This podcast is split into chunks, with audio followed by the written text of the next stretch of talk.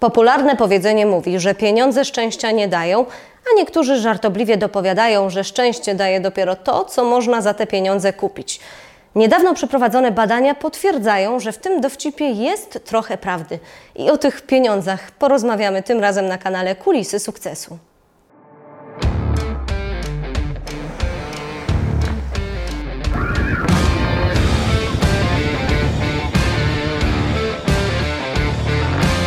Aby być na bieżąco, kliknij subskrybuj i dzwoneczek. Angelika Wielgus-Lach, zapraszam na program Kulisy Sukcesu. Poziom szczęścia zwiększa się proporcjonalnie do podnoszenia poziomu dochodów, choć nie w sposób liniowy, a logarytmiczny. Z badań przeprowadzonych niedawno przez Uniwersytet w Pensylwanii na ponad 33 tysiącach Amerykanów o różnych dochodach wynika, że różnica pomiędzy poziomem zadowolenia ankietowanych zarabiających 100 tysięcy dolarów rocznie, a tymi, którzy osiągnęli 200 tysięcy dolarów, jest analogiczna do różnic pomiędzy zarabiającymi 25 tysięcy dolarów a 50 tysięcy dolarów rocznie. Generalnie jednak wynik badania był jasny: im więcej pieniędzy, tym więcej szczęścia.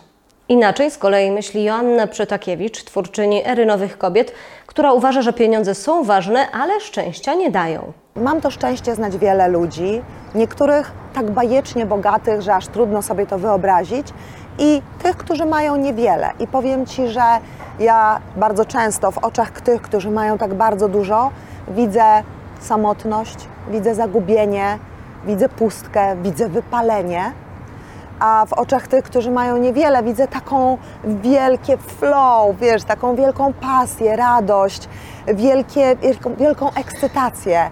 W związku z tym widzę poczucie szczęścia. W związku z tym to nie jest tak, że pieniądze nam gwarantują szczęście. Żeby było jasne, pieniądze są bardzo ważne. E, ja z perspektywy swojego całego życia, mm, ja byłam przekonana i wiedziałam o tym, zresztą o czym piszę w książce, że również historia bardzo bliskiej mi kobiety w życiu mojej cioci raz na zawsze wpoiła we mnie, że ja bardzo chcę być niezależna finansowo i taka też jestem od wielu, wielu lat. I jest to kobietom szalenie, szalenie potrzebne być niezależną finansowo, bo to też daje wolność. I pieniądze są bardzo ważne. I sukces jest bardzo ważny. Ja nie chcę opowiadać, że nie, ale nie jest to absolutnie w żadnym wypadku gwarancja szczęścia. Mało tego, zakończyły się właśnie badania Harvarda, które trwały 70 lat, gdzie na początku tych badań, zadając e, badanym pytanie, czym jest szczęście, każdy odpowiadał sława, kariera, pieniądze. Te trzy rzeczy przeważały o absolutnie wszystkich.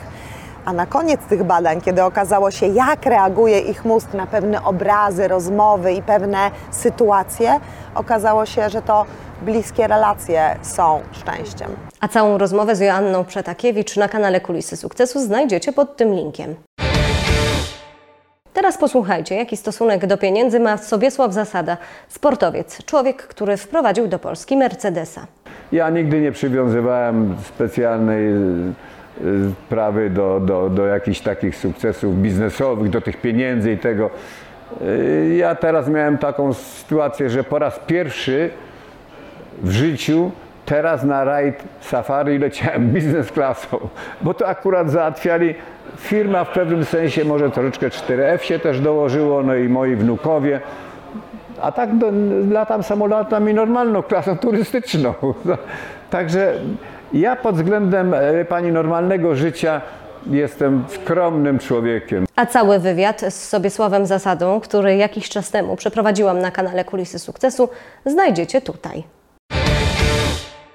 Tak jak słyszeliście, według Joanny Przetakiewicz czy Sobiesława Zasady, pieniądze szczęścia nie dają, ale jak zauważa Dominika Żak, założycielka firmy Dizzy, pieniądze są bardzo istotne w prowadzeniu biznesu.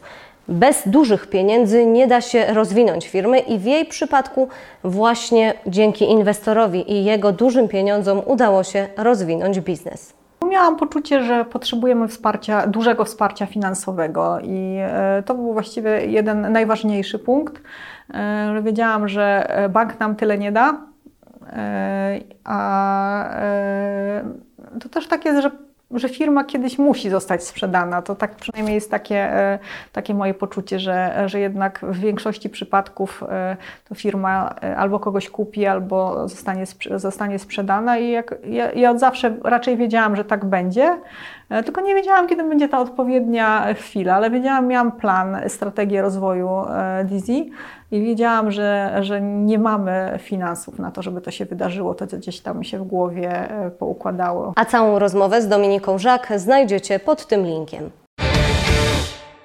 Podobnie wygląda sytuacja w przypadku sportu, zwłaszcza tego na wyższym szczeblu. Mateusz Kusznierewicz, żeglarz sportowy, mistrz olimpijski i mistrz świata, bez dużych pieniędzy nie mógłby realizować swojej pasji, bo jak powszechnie wiadomo, żeglarstwo to bardzo kosztowny sport.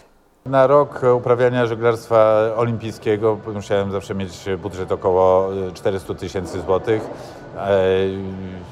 Z- Czasami nawet trochę więcej, w zależności gdzie były najważniejsze regaty, czy w Europie, czy na innym kontynencie. E, Kiedy przesiadłem się na łódkę dwuosobową, to no, budżet był e, dwa, nawet trzy razy e, większy. Pomnóżmy każdy rok w kampanii olimpijskiej razy 4, to nagle się robi kwota blisko 4 miliony złotych na kampanię olimpijską. No to są olbrzymie pieniądze. Nie mówię, że nie do zdobycia, ale no było to bardzo e, duże wyzwanie. Dużo pracy, wręcz około 20% swojego czasu musiałem poświęcać właśnie na tego typu e, działania, więc e, no, to był także część mojej kariery sportowej. A rozmowę z Mateuszem Kusznierewiczem na kanale Kulisy Sukcesu podrzucamy Wam tutaj. Podobnie sytuacja wyglądała w przypadku aplikacji Jak dojadę czy polskiego elektrycznego samochodu Trigo.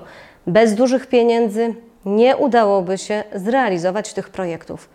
A jakie jest Wasze zdanie na temat pieniędzy? Koniecznie dajcie nam znać w komentarzach.